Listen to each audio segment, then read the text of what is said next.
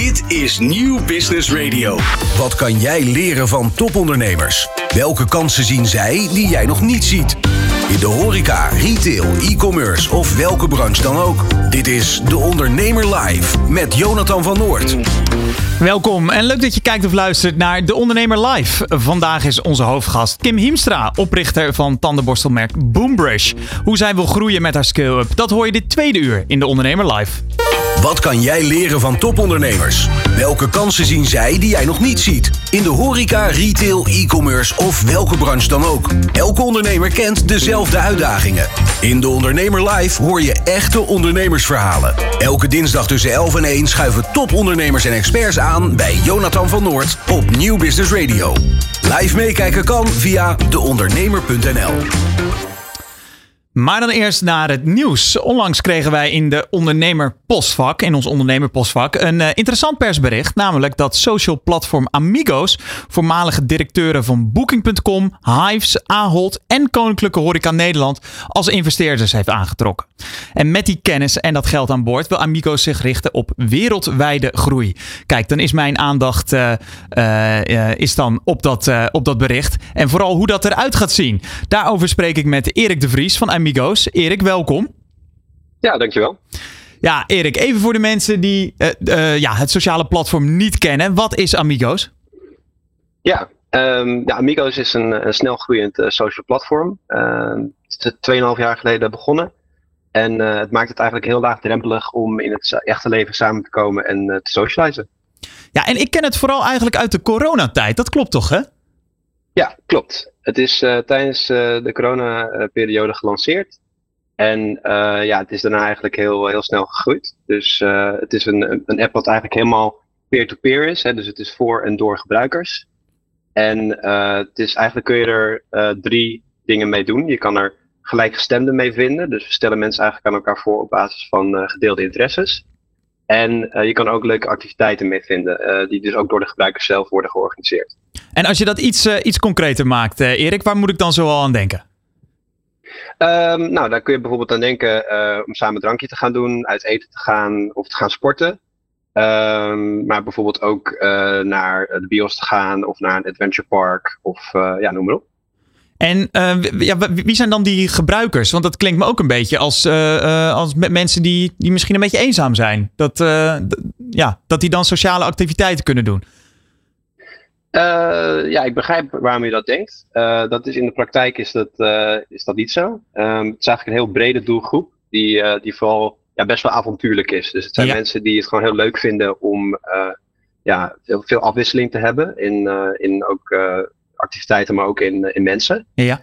En uh, die vinden het platform uh, eigenlijk, die gebruiken het gewoon om, uh, om ja, daar meer afwisseling in aan te brengen, meer mensen te ontmoeten en, en samen wat leuks te gaan doen.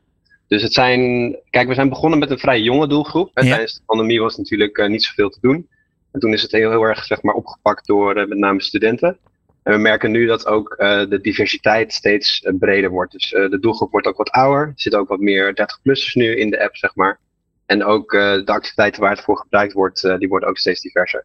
Dus als ik een beetje uh, vrij mag redeneren, is het eigenlijk een soort Tinder, maar dan zonder het, ja, het amoureuze deel, maar dan eigenlijk gewoon van een leuke activiteit doen met nieuwe mensen. Ja, ja kijk, we zijn geen dating app. Nee. Um, daar, daar heb je andere apps voor. Maar het is wel echt bedoeld om mensen te ontmoeten en samen iets leuks te gaan doen. En dan moet je bijvoorbeeld denken aan, stel padellen is nu heel erg hot, hè? dus stel je wil gaan padellen maar je vrienden kunnen niet. Uh, dan zet je het op Amigos en dan kun je gewoon met mensen afspreken en dan heb je een leuke uh, ervaring, zeg maar. En dan hoef je niet ook de commitment aan te gaan, want iedereen heeft al genoeg vrienden. En dan kun je wel gewoon wat leuks gaan doen. Ja, precies. Dus als je een keer iemand tekort komt, bijvoorbeeld voor een, uh, een potje voetbal of inderdaad padellen, dan kan je naar Amigos. Hey, uh, dat uh, persbericht wat uh, ons onder ogen kwam, daar stonden nogal namen in. Hè? Directeuren van Booking, Hives, Ahold, KHN. Ja. Die zijn nu ingestapt. Vertel eens. Ja, klopt. Um, ja, daar zijn we eigenlijk al een, een tijdje mee bezig. Um, sowieso ja, is Amigos nu best wel veranderd ten opzichte van hoe we begonnen zijn. Dus we zitten nu niet alleen in Nederland, maar ook in, in zeven andere landen. En uh, voor de volgende fase, eigenlijk de wereldwijde uh, uh, uitrol, ja. um, zochten we nou ja, sowieso natuurlijk meer geld, maar ook een stukje ervaring om ons daarbij te helpen. En daar hebben we dus de afgelopen maanden zijn we echt op zoek gegaan naar de juiste mensen om ons daarbij te helpen. En daar zijn nou, een aantal mooie namen uit, uit voortgekomen. Ja, aan, aan ervaring geen gebrek, zo te zien. Ja, klopt. Nee, dus er zaten een paar mooie namen tussen. je noemde net al een paar. Um, hè, dus dus vanuit ieder vakgebied zochten we eigenlijk uh, iemand die daar ook echt iets, uh, iets in kon brengen. Um, dus we hebben, nou, een, een, van de meer bekendere is, is een DJ. Zijn naam is, is Ferry Korsten. Ja. En nou, die hebben we echt aangehaakt op basis van zijn ervaring met evenementen natuurlijk. Hè. Hij treedt over de hele wereld op. Nou, wij zijn eigenlijk ook een heel event-based platform. en mensen in het echte leven laten samenkomen. Daar heeft hij ook wat, wat mee. En um, Bart Peuten, die um, uh, komt van um, Your Ticket Provider, uh, onderdeel van cm.com. Nou, die heeft veel ervaring met uh, ticketing en payments. Dus dat is waarom we hem graag wilden aan, aanhaken. Maar ook, even, even Erik, ja? toch tussendoor. Dat klinkt alsof jullie ja, verder kijken dan alleen iemand regelen die met je gaat patellen. Want nu gaat het over tickets en grote evenementen. Ja, nee, dat, dat klopt inderdaad. Dus um, in de eerste fase zaten we vooral heel erg op groei. Uh, zoveel mogelijk users eigenlijk uh, in het platform krijgen. En hoe dat gaat, dat, dat, dat weten we nu eigenlijk wel. We weten hoe we het platform kunnen laten groeien. Um, maar de volgende uitdaging voor ons is echt het monetizen. En vandaar dat we daar ook de juiste mensen voor hebben gezocht om ons daarbij te helpen. Maar hoe moet ik me dat voor me zien? Dat je er dus echt uh, een slaatje uit kan slaan als mensen zich bij uh, Amigos aansluiten. En dan dus met die kennis over ticketing en evenementen. Ja, ja we, gaan het, we gaan het platform dus ook steeds verder uitbreiden. Dat zijn we nu ook aan het doen. Um, en als je het hebt over verdienmodellen, we hebben er afgelopen maanden een aantal getest. En heel simpel gezegd van, ja, aan de ene kant kunnen we dat natuurlijk bij de users plaatsen. Dus dat users voor bepaalde elementen in de app gaan betalen. Uh, en aan de andere kant heb je, uh, als het niet bij de users ligt, dan worden het via partnerships. Dus moet ik dat bijvoorbeeld voor me zien dat uh, je dus nog steeds mij op de app kan zien dat ik iemand zoek voor mijn padel-toernooitje, maar ook een groot commercieel evenement kan bijvoorbeeld erop staan van goh, wil je hier naartoe? dat is nu nog niet zo, maar dat zou in de toekomst wel die kant op kunnen gaan. Kijk, voor ons is het gewoon heel belangrijk dat het wel uh, van meerwaarde is. Hè? Dus mm -hmm. uh, onze app heeft geen uh, algoritmes en geen advertenties in principe. Het is helemaal peer-to-peer. -peer. En we willen ervoor zorgen dat de waarde voor onze gebruikers ook goed blijft. Dus als we er dingen in gaan toevoegen met partners, dan doen we dat eigenlijk ook op basis van meerwaarde. Dus het moet meer waarde voor de user opleveren, moet meer reuring zeg maar, op het platform, moet er meer te doen zijn. Maar het zou bijvoorbeeld ook leuke deals en korting op tickets kunnen zijn. En Erik, eh, je noemde net dus al even wat, uh, wat namen hè, van uh, investeerders die zijn ingestapt. Welk advies ja. heb je nu al van ze, van ze gekregen waar je van dacht van... goh, ja, dat heb ik hiervoor nog niet eerder gehoord. Daarvoor zijn ze al waardevol. Nou, um, sowieso hoe een bedrijf internationaal te schalen en te laten groeien. Ik denk dat we daar al heel veel waarde van hun hebben gehad. En um, kijk, ieder, ieder heeft vanuit zijn eigen specifieke achtergrond zeg maar, daar een kijk op. Maar wat hun eigenlijk allemaal bindt, is dat ze heel erg geloven in de missie. Hè? Dus uh, wij willen eigenlijk. Uh, we, zien ook een beetje nu dat er een trend gaande is. Dus dat er um, steeds meer, steeds sceptischer eigenlijk wordt gereageerd op de meer traditionele social media. En dat uh, daar ook vraagtekens bij worden geplaatst van ja, wat is de impact eigenlijk van algoritmes die vooral bedoeld zijn om je, om je zo lang mogelijk op je scherm te houden. Dus zij zien ons ook echt als de toekomst. Hè? Dus het echte het nieuwe sociale platform. En uh, hoe we uh, daar als eerste zeg maar de grootste in kunnen worden. En uh, daar hebben ze zeker wel wat goede ideeën voor om, om daar als eerste te komen. Ja, en dat het sociaal platform daadwerkelijk sociaal is. Hè? Daar, ja. Dat is dan het grote verschil. Erik ja. de Vries, dankjewel. We gaan Amigo's in de gaten houden. Je luistert naar De Ondernemer Live. Elke dinsdag live van 11 tot 1 met Jonathan van Noord op Nieuw Business Radio. Ja, onze hoofdgast van vandaag is nog steeds uh, Kim Hiemstra. Ze is weer uh, aangeschoven uh, in de studio. Oprichter van Boombrush. Je kent hem wel, de ja, zwarte, zwarte tandenborstel. Laten we hem nog even zien. Ik vond het ook wel leuk. Kan je hem ook aanzetten? Dat we hem even ja, kunnen horen. Het is natuurlijk radio. Zullen we hem even bijhouden? Oh ja.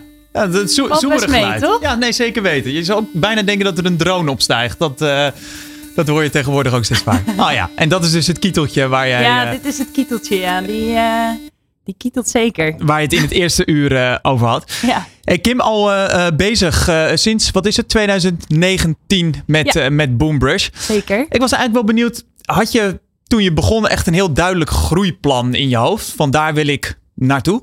Ja, en dat, dat groeiplan, daar zijn we nog steeds mee bezig. Dus we willen heel graag een volledig mondzorgpakket in het abonnement leveren. En eh, vorig jaar zijn we daar, eh, hebben we daar de eerste extra stap door eh, ingezet door een tandpasta te introduceren. En dit jaar willen we eigenlijk dat hele mondzorgpakket nog verder uitbreiden. Maar nog even terug dan naar, je, zegt van ja, dat hadden we eigenlijk vanaf het begin wel Ja. in het hoofd. Je Ja. bent nu vijf jaar dan ongeveer bezig. Had je, of sta je nu op het punt waar je in 2019 van zei, ja, daar willen we binnen vijf jaar staan? Ja, hele goede vraag. We zijn, eh, het is wel eind 2019, dus we bestaan net vier jaar. Ehm, ik denk, als ik erop terugkijk, hadden we denk ik wel verwacht dat we iets verder zouden zijn nu. Mhm. Ehm, maar Qua ja, goed. aantallen? Of, eh, Nee, qua producten meer. Ja. Qua, qua ontwikkeling. Ehm, en ja, we merkten ook gewoon wel dat het toch best wel lastig is dat als je één product hebt en één zeg maar, product ook in het abonnement, dat het best lastig is als je daar opeens een product bij stopt. En eh, Wat is ja, daar lastig aan? omdat je dynamiek helemaal verandert. We hadden eerst op, bijvoorbeeld op de website hadden we gewoon één pagina. Daar kon je de borstel kopen, kon je het abonnement afsluiten en dat was het. En eh, op het moment dat je daar één product bij stopt, verandert je hele, je hele model eigenlijk. Omdat je toch ook ergens dat andere product moet kunnen aanschaffen. Mensen moeten ervan weten. En ja, we hadden dat wel een beetje onderschat. Het Ja. wordt minder eenvoudig eigenlijk, minder duidelijk. Ja, het wordt gewoon exponentieel moeilijker. Dus hoe meer producten, hoe meer combinaties en opties. En eh, de, ja, dat hadden we niet helemaal voorzien. En hoe zorg je ervoor dat daar dan toch een soort stroomlijn in zit voor eh, ja, in de klantervaring? Een, vervelend woord, maar toch wel belangrijk hier, denk ik. Ja, super belangrijk. Dat is wat mij betreft het allerbelangrijkste van, eh, van onze hele onderneming. Is dat de klantervaring goed is. En eh, we proberen het ook zo, zo soepel mogelijk inderdaad te maken voor de klant. Om wel gewoon al alle producten eh, in het abonnement geleverd te krijgen. Zonder dat zij merken dat het voor ons best wel pittig is. En even met de ondernemer in het achterhoofd die nu eh, kijkt of luistert. Hè, en die misschien zelf ook wel met zo'n eh, probleem worstelt. Hè, van dat hij begonnen is met één product en nu daar, meer aan wil, daar meer aan wil toevoegen. Wat zijn bijvoorbeeld lessen die jij daarvan hebt geleerd? Als je dan hebt over misschien wel de website of... Ja, Of andere gewoon zaken. ehm, eigenlijk de, de les die ik ervan heb geleerd is eigenlijk gewoon echt beginnen bij de basis. Goed bedenken hoe je het wil uitrollen en wat voor stappen daarbij horen. Zodat je eh, geen stappen overslaat en, en ook kan zorgen dat je eh, dat alle stappen, zeg maar, ook goed te communiceren zijn naar bijvoorbeeld inderdaad de klant of, of goed te vertalen zijn naar de klantervaring. Want ehm, ja, wij hadden dit niet helemaal voorzien. Dus ja, als je daar wat scherper op bent, dan is dat, is dat in ieder geval wel heel erg fijn om eh, dat van tevoren al een beetje ingepland te maar, maar als je dat concreet maakt bijvoorbeeld. Wat, wat, waar hebben jullie bijvoorbeeld getweakt of wat hebben jullie aangepast waardoor nu ja, misschien wel zo'n zo'n product erbij eh, wordt aangeschaft? Eh, wij hadden, ehm, even kijken hoor. Ja, wij hebben nu gewoon een, een, een shop. Dus je kan daar je alle repeat producten, zo noemen wij ze, eh, aanschaffen. Dus daar kan je ook je tandpasta aanschaffen. Ehm, en dat maakt het overzichtelijker, want die pagina hadden wij toen niet. We hebben ook vorig jaar hebben we onze hele website omgegooid, ook om, eh, om hier wat duidelijkheid in te brengen. Vro- Vroeger kon je alleen maar via je account dan dat product toevoegen. En nu is dat een stuk duidelijker. Dus je moet eigenlijk al die hobbels die er mogelijk zijn, moet je proberen weg te nemen. Ja, je moet eh, gewoon van tevoren eventjes uitdenken hoe je dat nou eigenlijk wil gaan doen. En wat logisch is. En wat eigenlijk het allerbelangrijkste is, is dat je je klanten daarin meeneemt. Dus dat je eh, zorgt dat je de dingen die jij denkt dat logisch zijn, ook eventjes checkt met je klant.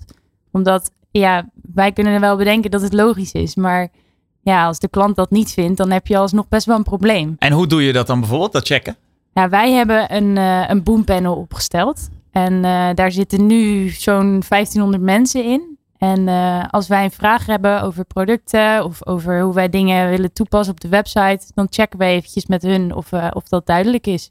Dat vind ik best veel mensen, 1500. Ja, onze klanten zijn heel betrokken. Ja, ja ik, vind, ik, vind dat leuk. Want ik, ik uh, stel wel vaker de vraag als mensen bijvoorbeeld aan sharefunding uh, willen gaan doen of crowdfunding. Dan hoor je toch altijd van ja, we willen een community creëren. En dat vind ik altijd een beetje een buzzword. Hè, van ja, mm -hmm. community, dat kan je wel zeggen. Maar ja, uh, ik moet het eerst nog maar zien. Dit Ja. is een, een, een voorbeeld dat je 1500 trouwe klanten hebt. Die dus ja, het is ook over wel. een tandenborstel. Ja, laten we Ja, wel zijn. het is wel dat, eh, echt, het is echt heel leuk ook. Want we zijn, nu, eh, we zijn nu dus bezig om nieuwe producten te introduceren. En we willen dat in een volgorde doen ook eh, waar mensen behoefte aan hebben. Dus niet zomaar producten lanceren, maar echt kijken, oké, waar, waar hebben jullie nou behoefte aan?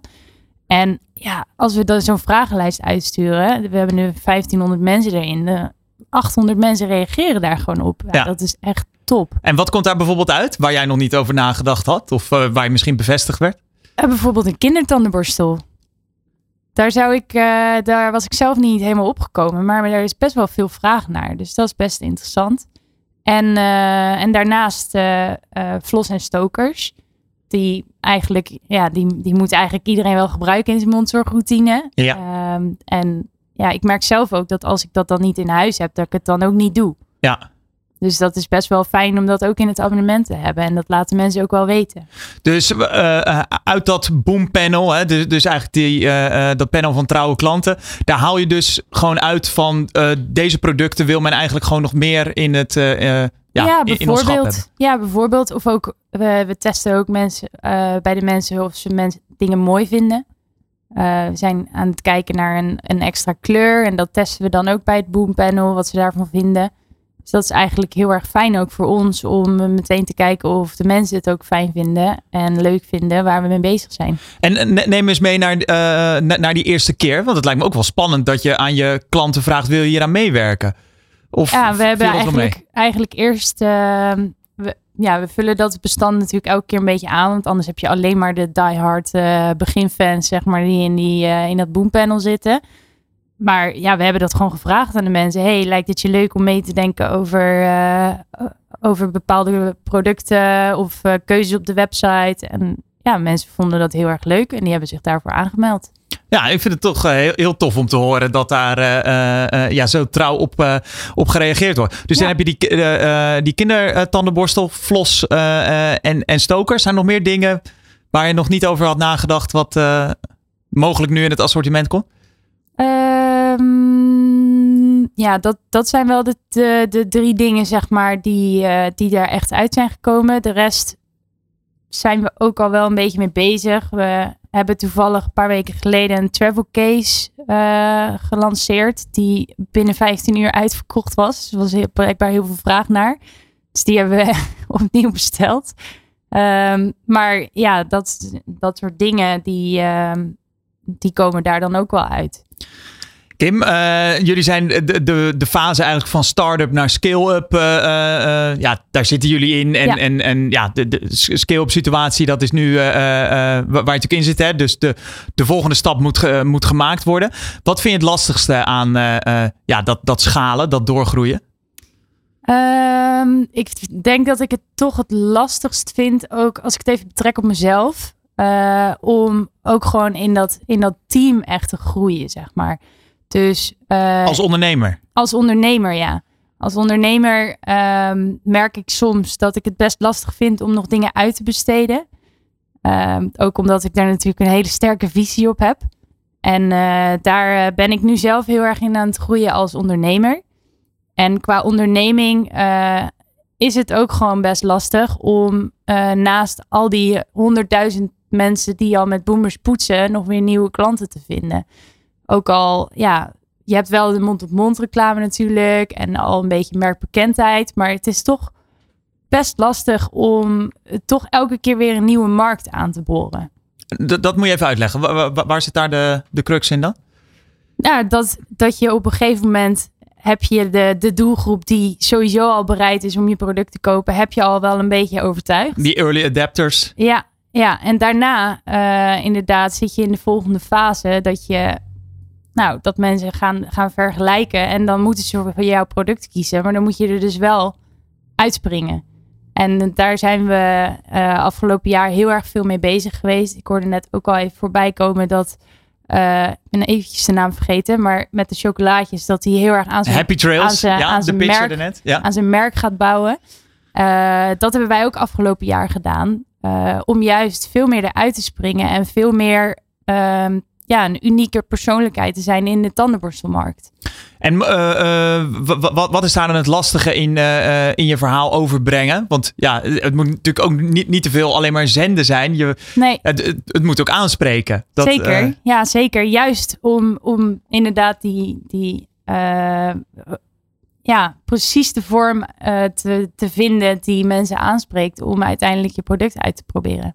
En helpt daar ook uh, uh, het sparren met een investeerder bij? Want je zei het hiervoor al, hè, dat Thomas Ritra, Ritra, ja. hoe, moet ik het, hoe moet ik zeggen? Ritra volgens mij. Ritra, een ja, bekende tandarts, meerdere grote praktijken. Ja. Die is bij jullie ingestapt. Jullie Zeker. hebben ook nog bij Dragon's Den, een bekende pitchprogramma gezeten. Ja. Daar is het toen, toen niet door gegaan. Welk advies krijg je van zo'n Thomas dan bijvoorbeeld?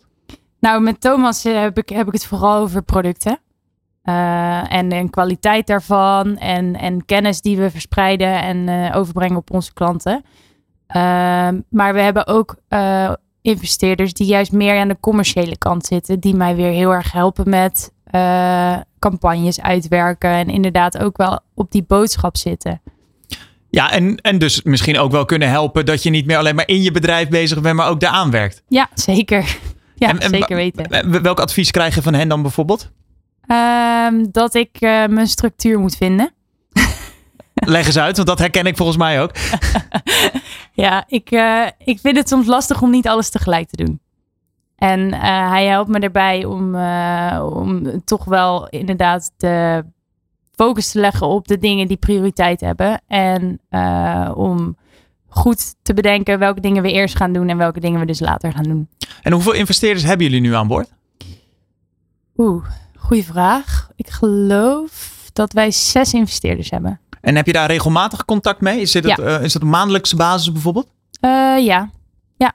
Ja, hebben we veel contact mee. En daar hebben we ook heel veel aan.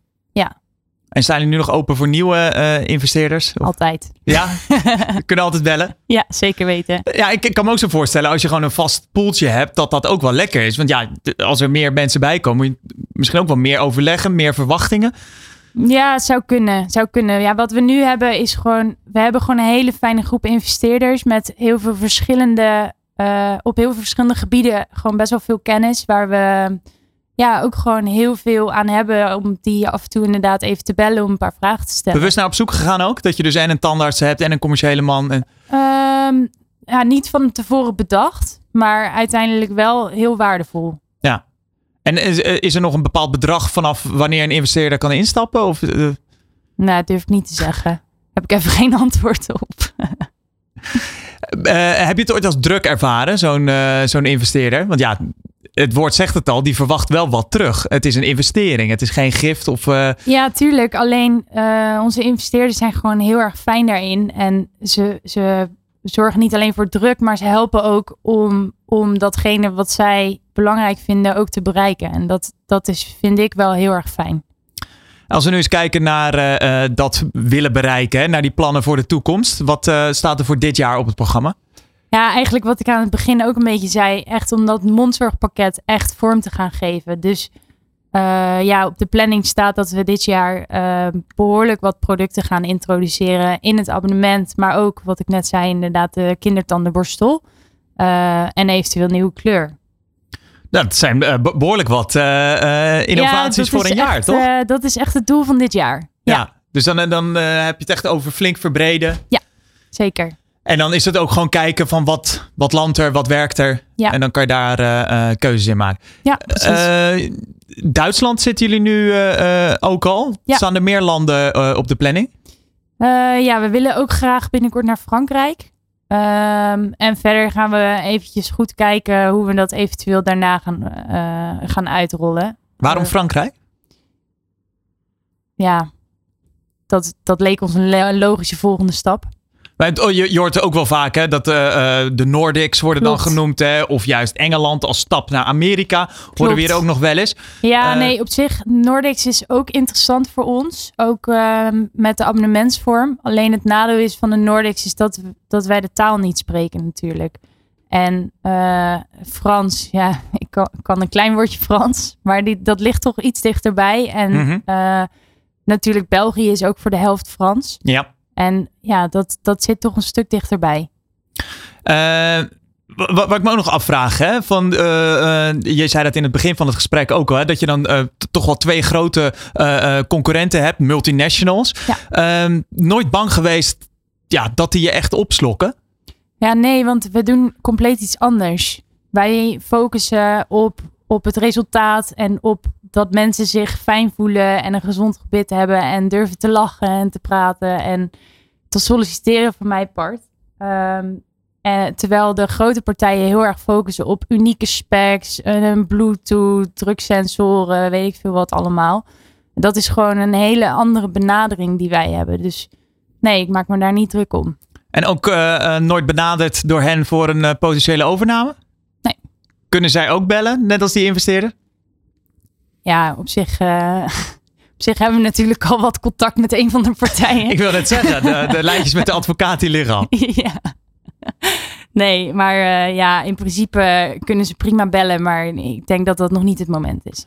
Nee, want dat, horen we hier ook nog wel, uh, wel vaak in de studio bij, bij start-ups en scale-ups. Dat ze zeggen, nou ja, ooit wel, maar de komende paar jaar wil ik echt nog wel... Uh, ja, kijk, wij hebben gewoon een missie. En die missie is om iedereen een fijn gevoel te geven. En iedereen een goed en gezond gebit te kunnen geven. en ja, ik heb nog niet het idee dat de grote partijen dat ook doen. En uh, Kim, tot slot, als we even de glazen bol erbij pakken en een jaar of vijf uh, in de toekomst kijken, waar staat uh, Boombrush dan volgens jou? Ja, als derde grootste tandenborstelmerk van Europa. Derde, niet twee, één? Nee, derde. Oké. Okay. OLB en Philips staan gewoon op 1 en 2 en daar, dat, dat is prima. We houden het bescheiden. Nou, ja. in ieder geval voor die tijd uh, kom je nog eens terug. Dan uh, gaan we checken of het, of het is uitgekomen. Gezellig. Dankjewel. Kim Hiemstra van Boombrush.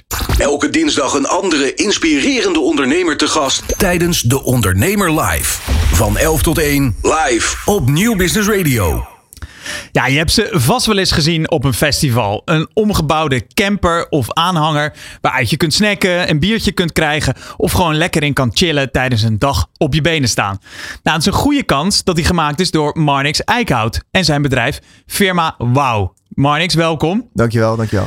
Ja, straks gaan we. Uh, nou ja, we kunnen nu anders wel even doen. En dan heb ik het. Uh, ja, dat is jammer voor de mensen die nu radio luisteren. Maar heel leuk voor de mensen die op YouTube meekijken. Want buiten staat dus een van die creaties van jou. Ik zal hem een beetje omschrijven. Het is een après-ski car. Ja, um, volledig in, in Oostenrijkse thema. Skis, bondjes, een, een vuurtje, een slee. Uh, met ook nog een, uh, uh, ja, een, een Oostenrijkse ski, skileraar in vol. Ja, Echt een sfeerbaas. ja, dit is dus wat jij weet te creëren met je bedrijf Firma Wauw. en ik vond het leuk dat je noemt jezelf een verbaasbaas. Verbazing de baas, ja, ja zeker. Ja. Ik denk dat je het niet meer hoeft uit te leggen waarom dat zo is. Nou ja, het was een prachtige elevator pitch die je net voor ons gedaan hebt. Dus dat hoeft weinig uitleg. Uh, nee, ja, inderdaad. Uh, verbazing, dat is eigenlijk uh, waar wij trachten voor te staan. je zei overigens dat Marnix dit gemaakt had, maar dat moeten we even een kleine kant heen. Ik kan helemaal niks maken, zeg maar. Ik heb echt twee linkerhanden. Maar we hebben, ik heb een geweldige compagnon gevonden in uh, Bouk van Harskamp, die inmiddels, waarmee we een team opgebouwd hebben van creatieven en, en makers waar wij vermaak mee maken. Dus, uh, en de apres-ski car is, ja, het is uh, voorjaarsvakantie, zijn veel mensen skiën. Dus ik dacht, weet je wat, we nemen die, uh, die ski tent wel eventjes mee. Ja, dan hebben we toch een stukje Oostenrijkse Alpen hier op het, op het Mediapark.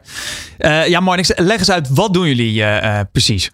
Wat wij doen? Nou, op dit moment als firma Wauw verzorgen wij merkactivaties, eventcreatie en de verhuur van zelfgebouwd vermaak. Dus Wauw-factoren zoals je hier, hier achter ziet. Uh, daar hebben wij een heel mooi portfolio inmiddels van, uh, van, uh, van opgebouwd.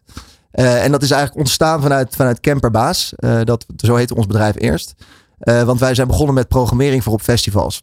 Eigenlijk een soort variant, een entertainment variant van foodtrucks zijn wij gaan ontwikkelen. Dus een, een ballenbak in een camper en een rijdende club in een camper. En we zaten helemaal gefocust op die campers en caravans, want dat is mobiel. Ja, en dat is een beetje uit de hand gelopen. En dat heeft een nieuw jasje gekregen, dat is de firma Wow. Ja, want ik ben uh, zelf een vervent festivalganger. Dus ik hou er altijd wel van als je dan lekker verdwaalt op zo'n terrein. En dan kom je opeens zo'n gek karretje tegen. Waar dan mensen in zitten. Uh, of een barretje. Of wat je zegt, een, een ballenbak zelfs in, in zo'n kar. Ehm, maar jullie staan niet alleen op, op festivals, toch? Nee, nee, zeker niet. Daar is het eigenlijk begonnen. Het is ook echt wel een beetje begonnen vanuit een beetje een ja, qua jongens hobbybedrijf, om maar zo te zeggen. Uh, maar door die festivals zijn we eigenlijk opgepakt uh, uh, ja, in de B2B hoek. dus 85% van um, ja, de verhuurtak die wij hebben, wat we doen, is, is B2B events. Dan moet je echt denken aan bedrijfsevenementen, groot en klein. Van de Adyen, Booking.com bekende feesten tot aan ja, een dorpsplein. maar ook beurzen.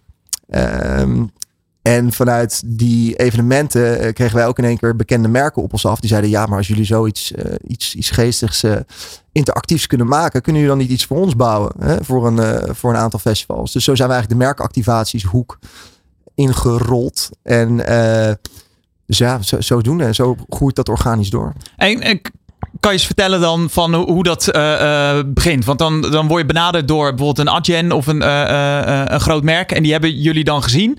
En dan?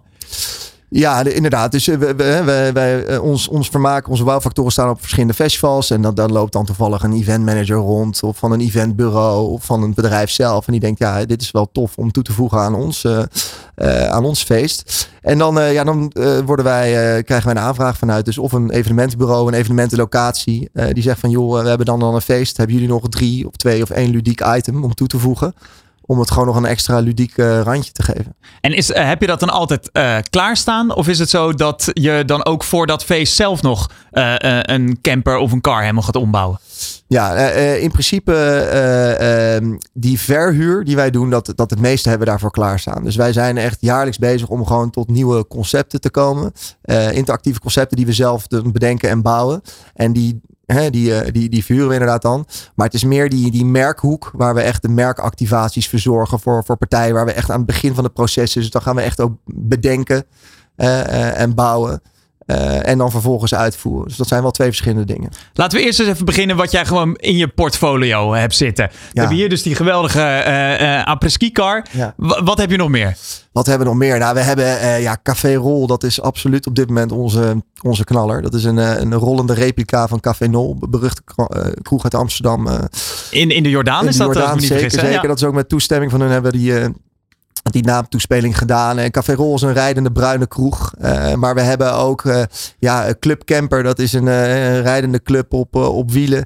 we hebben de Boulderbox. Dat is een variant tussen twisteren en bolderen in een grote kast. Dat is dat klimmen, hè? Dat, zeker, dat zeker. klimmen. Ja, maar we zijn nu ook bezig met een illusionist. Zijn we een magische bar aan het creëren. Het is niet voor zoals een barmeubel waarbij een illusionist zeg maar trucs of illusies, drank mixt met illusies. dus, dus we ontwikkelen ook veel. Uh, we hebben met uh, pianisten van de Crazy Pianos hebben we um, bijvoorbeeld... De bekende bar in Den Haag, hè? Ja, de, de zeker, zeker. Absoluut. Daar hebben we een concept mee gecreëerd. Uh, dat was voor Viper, een merk van Grols. Hebben we de piano karaoke gecreëerd. Dus dat is een live karaoke concept gericht vanuit pianomuziek.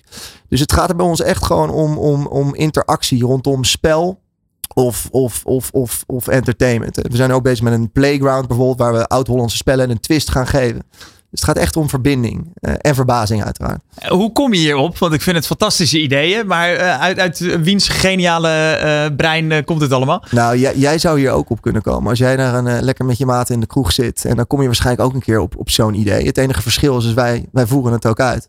En wij hebben wekelijks onze uurtje poep voor goede shit. Dat is op woensdagmiddag. En dan zitten we met het team. En dan gaat het gewoon letterlijk om, ja, weet je wat wat, uh, wat vinden we leuk?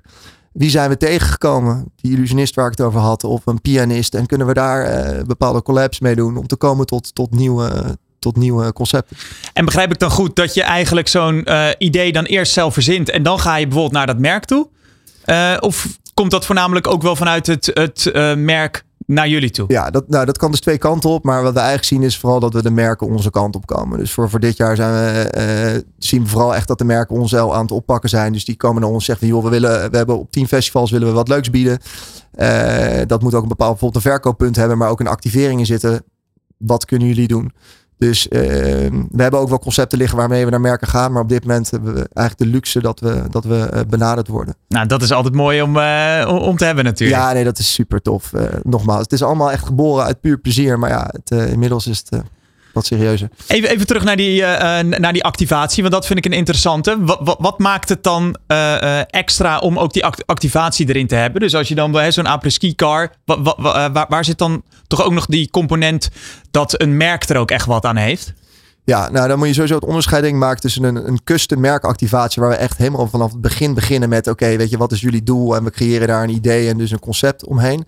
Of je pakt bijvoorbeeld de après-ski car en dan ga je denken van nou, er zijn bijvoorbeeld, er is zo'n drankje waarvan je een dopje op je neus zet. Ja, die stel kennen we wij, allemaal. Stel dat wij die benaderen en dat wij zeggen, nou we hebben hier de apres-ski car staan. Is dat niet leuk om bij uh, 20 van jullie kroegen langs te rijden? En dan, uh, dan activeren we dat door die, kroeg, door die kroeg voor hun kroeg neer te zetten. En die drankjes dan naar binnen te lopen. Op zo'n manier kan je dan gaan denken vanuit bestaande aanbod wat we Ja. hebben. Dus dat maakt ons ook voorde- voordelig voor heel veel partijen. Omdat wij gewoon al uh, eigenlijk kant-en-klare merkactivaties hebben staan. En daar geef je gewoon een twist aan. Als we het toch over de prijs hebben, waar moeten we dan aan denken? Ja, dat, er is wel een onderscheid tussen merkactivaties en natuurlijk uh, het, gewoon het huren van, uh, van onze bouwfactoren. Ik bedoel, het, uh, het object wat hierachter staat, inclusief sfeerbazen. Je moet het zo zien, dat wordt voorgereden, wordt opgebouwd. Dat wordt dan gedraaid door, door Ja. entertainers en, en weer afgebouwd. Dat is voor een dagdeel zit je rond de 1600 euro. Oké. En dan eh, eh, tot, ja, wat, is de max, zou ik maar zeggen? Eh, wat, jullie hebben gedraaid? De, de, de- max qua wat? Nou ja, qua budget van wat, wat krijg je bijvoorbeeld door? Nou ja, eh, nu een an- eh, we- zijn nu bijvoorbeeld benaderd om een, eh, een complete feestavond te doen voor een, bekende partij, Tony Media. Ja. Die hebben ons gevraagd om hun feest op 14 maart te organiseren. De complete programmering en eigenlijk een speeltuin te bouwen met alles wat we hebben. Plus dat van partijen die wij kennen en een Dat is concept. de, de, de podcastmaatschappij van Sander Schimmel hè? zeker, Ja. zeker, precies. En ja, weet je, die, dus, dus alles wat wij hebben in principe, als je het combineert, dan heb je eigenlijk een soort speeltuin voor volwassenen. En dat is ook de visie die we hebben. Wij proberen eigenlijk speeltuinen voor volwassenen te creëren op eh, in allerlei evenementen. Dus ja, dat is gewoon all in. Want daar kunnen we gewoon alles bij elkaar verzamelen en verzinnen we dingen voor. Dus dat, dat is wel de grootste bonte verzameling, zeg maar, die komende 14 maart. Ja, ik eh, wou me eigenlijk net stellen, maar wa- waar ben je het meest trots op als je nou kijkt eh, in die paar jaar dat jullie bezig zijn? Qua concept of gewoon Ja, überhaupt? precies. Nou, ik, ik, ik überhaupt het meest trots ben is gewoon dat je echt vanuit, echt vanuit eh, plezier en, en, en, en creatie, echt gewoon denken zonder grenzen, maar gewoon wat is leuk, dat je daar gewoon een hele serieuze business case mee kan opzetten. Eh, met inmiddels waar, eh, waar tien man bij ons, bij ons in ieder geval va- vast werken in ons pand en nog een, een, een ZZP'erschaal van misschien wel 70 ZZP'ers omheen hangt. Ja, dat, dat vind ik echt ongekend voor wat begonnen is met een ballenbak op, op Mysteryland.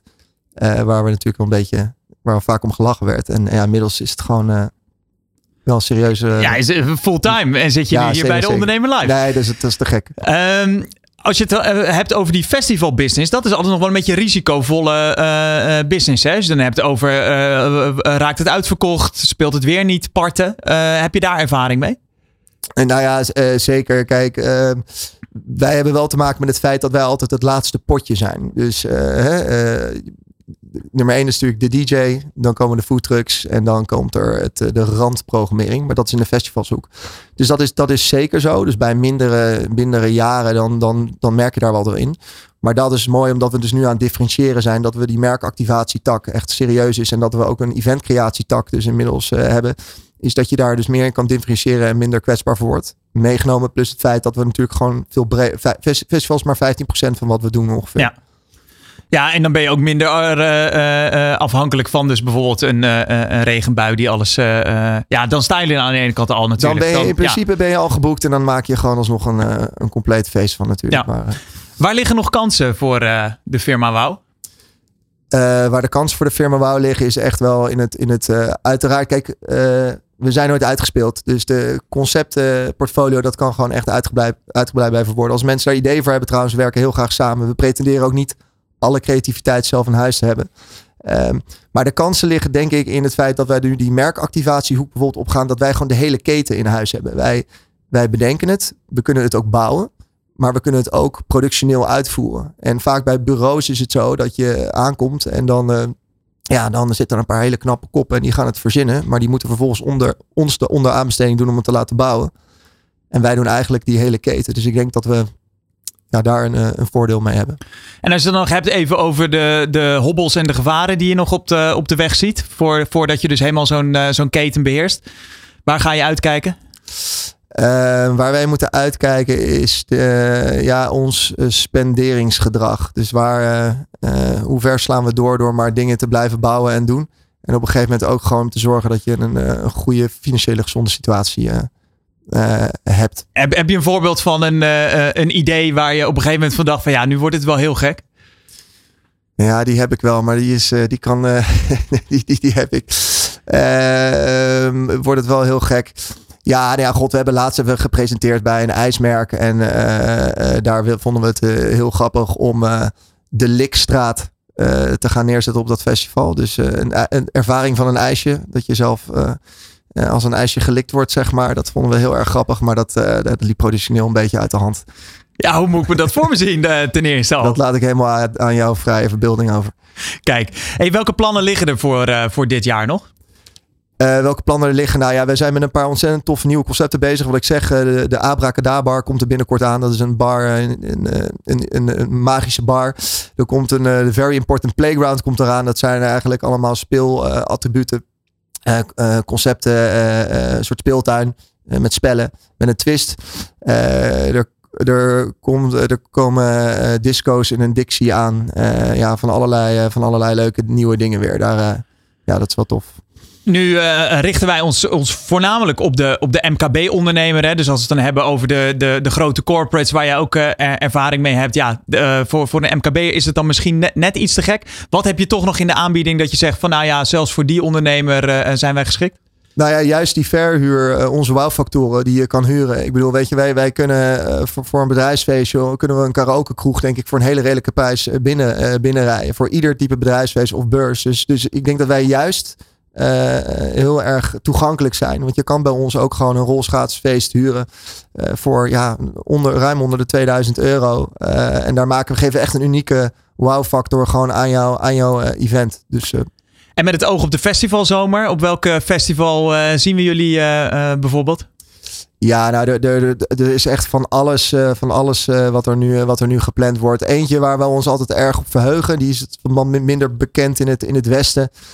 Dat is eigenlijk een, een, een, een kerel die ons ooit de kans gegeven heeft om vol uit te pakken. Dat is Koen van Absolutely Fresh, die Festival organiseert. En wat we daar gewoon tof aan vinden, is dat we daar vanaf moment één staan. En dat hij ieder jaar gewoon weer eigenlijk ons volledige aanbod gewoon afneemt. En zegt, gasten, ga maar. dus dat, ja, dat, daar, dat hebben we gevoelsmatig wel veel mee. Dan staat die genoteerd. Mag ik je hartelijk danken. Marnix Eickhout van firma Wow. Dankjewel.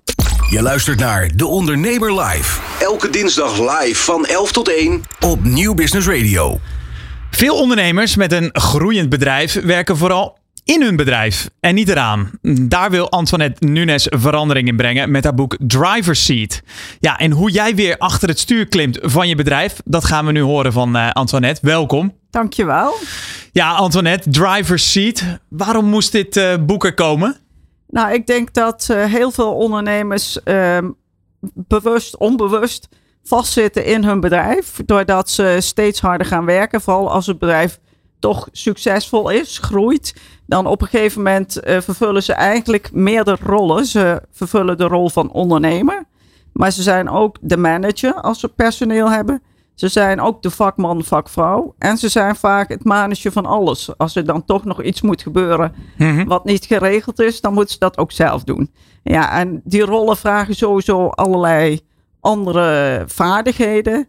En eigenlijk uiteindelijk valt het ook niet meer te combineren.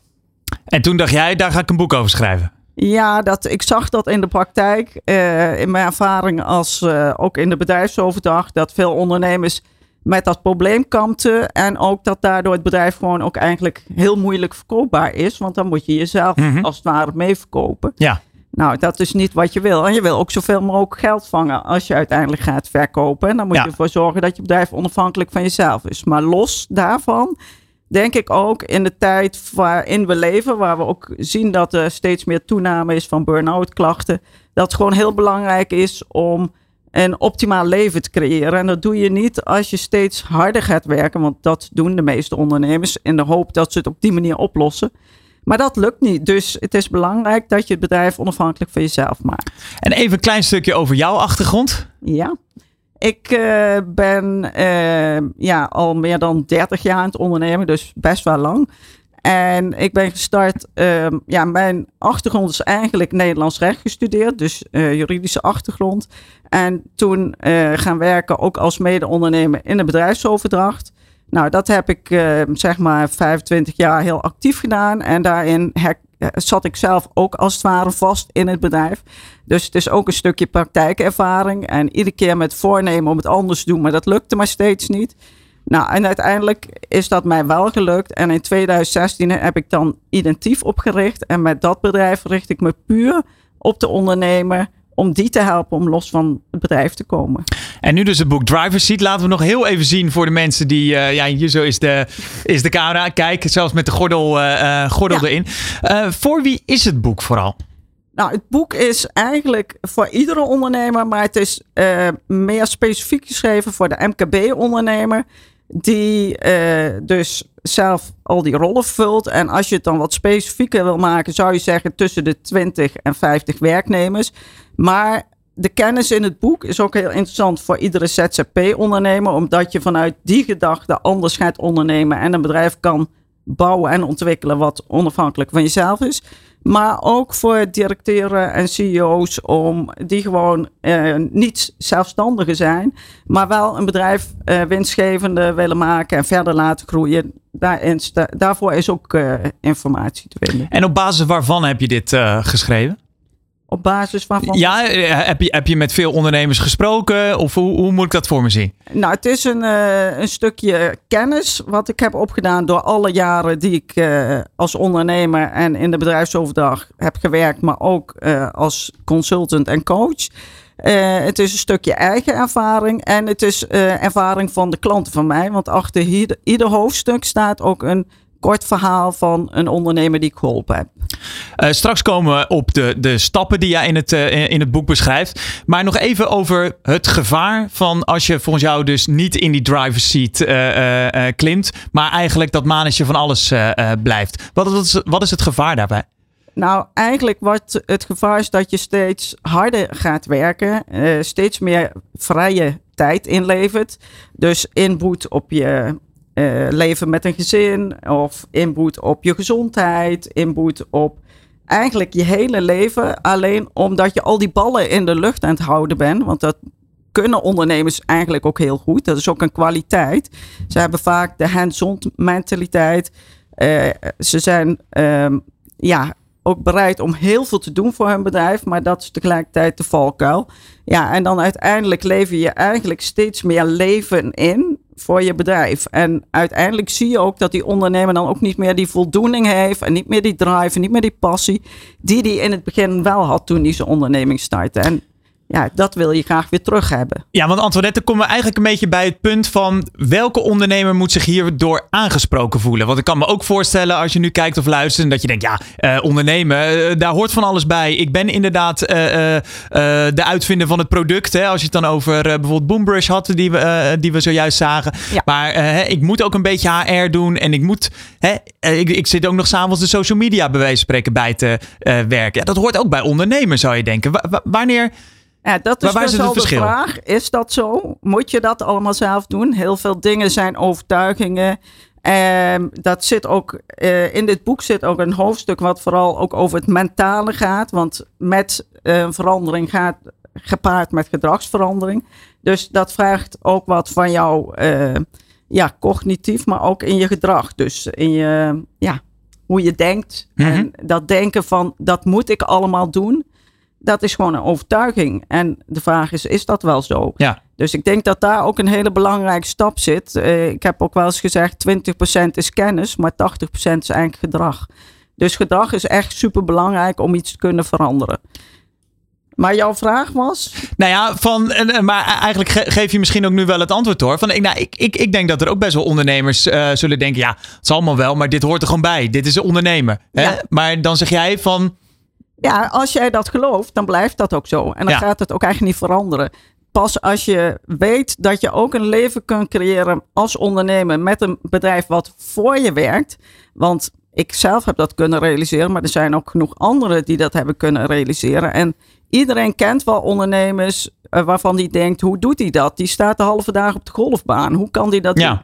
Nou ja, die hebben het waarschijnlijk toch beter georganiseerd. Of in ieder geval anders georganiseerd. Waardoor dat mogelijk is. Ja, dan de, de, de ondernemer die 80, 90 uur aan het, uh, aan het werk is. Wat is de belangrijkste stap die je moet zetten als ondernemer. Als je dus in je, uh, uh, aan je bedrijf wil werken en niet erin?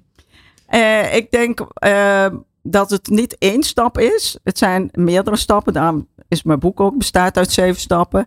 En uh, ik heb het eigenlijk opgedeeld in twee onderdelen. En dat is aan de ene kant jij als ondernemer. Wat moet jij nou veranderen? Wat kun jij doen? En aan de andere kant de onderneming. Wat moet je veranderen binnen je bedrijf qua structuur en hoe je het inricht? Wat kun je dan beter, anders doen, zodat je bedrijf onafhankelijk kan worden van jou? En kan je daarvan, hè, zonder dat we het hele boek uh, uh, hoofdstuk voor hoofdstuk gaan uitleggen, maar kan je daar bijvoorbeeld wat, wat, voorbeelden van geven? Nou, dit is gewoon iets concreets wat je dan al zou kunnen doen om, om dus minder in je bedrijf te werken. Ja, nou, ik, wat je bijvoorbeeld zou moeten doen, is een andere rol vervullen. Ik denk dat een ondernemer in principe meestal een visionair is. Dus iemand die een beeld heeft van met het product of de dienst die ik aanbied ja, daar is nog veel meer mogelijk. Ik zie een daar gaan we naartoe. Ja, ja, ik zie een toekomst, maar vaak lukt het moeilijk of gaat het niet omdat we opgeslokt worden door de waan van de dag.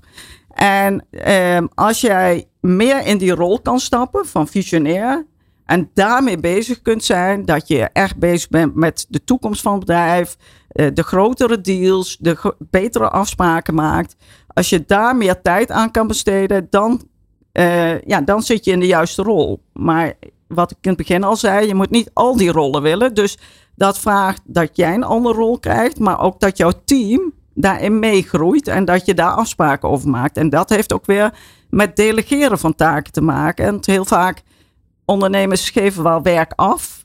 Ze willen het wel overdragen, maar ze dumpen het als het ware vaak bij bepaalde mensen. En, uh, het verschil dus tussen delegeren en leiding geven dan van hier, dit deed ik eerst, ga jij het nu maar doen. Ja, en dan is het belangrijk dat bij delegeren hoort ook verantwoordelijkheid overdragen. En daar gaat het ook heel vaak mis. Loslaten denk ik ook. Ja, precies. Ja. En dat gaat ook meestal mis, want uh, de ondernemer wil zelf toch uh, de touwtjes in handen houden. Die blijft dan zelf verantwoordelijk. Of hij maakt meerdere mensen verantwoordelijk. Ja, en dat is uh, gedoemd om te mislukken. Maar toch, Antoinette, ben ik ook benieuwd als jij dus met, uh, met ondernemers uh, praat. Is het dan altijd dat niet kunnen loslaten waar het in zit? Of misschien ook wel gewoon bang zijn dat het heel veel geld kost? Want misschien komen er wel meerdere rollen op de loonlijst erbij als de ondernemer dus afstand neemt. Dat kan, dat kan allemaal. het is ook heel wisselend. Maar ik denk als je het goed inricht, dan uh, ga je juist geld besparen. Want je gaat zelf leren, het staat ook in het boek, hoe je veel effectiever met je tijd omgaat. Maar ook door een andere structuur te bouwen en de juiste mensen op de juiste plek, kan je gewoon heel veel geld besparen. En ja, dan heb je het gewoon veel beter georganiseerd. Dus de gedachte dat het uh, heel veel nieuwe mensen moet aantrekken, dat dat heel veel geld gaat kosten, ja, dat is gewoon niet zo. Heb je een mooie succescase uh, uh, van een bedrijf wat jij misschien geholpen hebt of uh, wat in je boek staat dat je zegt van nou die ondernemer die heeft het echt goed aangepakt? Ja, er zijn er meerdere. Ik heb dus een aantal sowieso in mijn boek staan. En een van de verhalen in mijn boek is een ondernemer die met meerdere ondernemers onderneemt. Maar hij, hij is wel degene, het meest visionair ja. ondernemer. En hij heeft ook geregeld dat hij nu veel meer afgelopen jaren veel meer vrijheid heeft in zijn leven. En ook zijn vriendin, uh, die werkt bijvoorbeeld in het onderwijs. Dus die zit vast aan vakanties in het mhm. onderwijs. En voorheen, op het moment dat die vakantie er was, dacht hij: Oh ja, nu moet ik eigenlijk vrij hebben, maar dat lukt niet.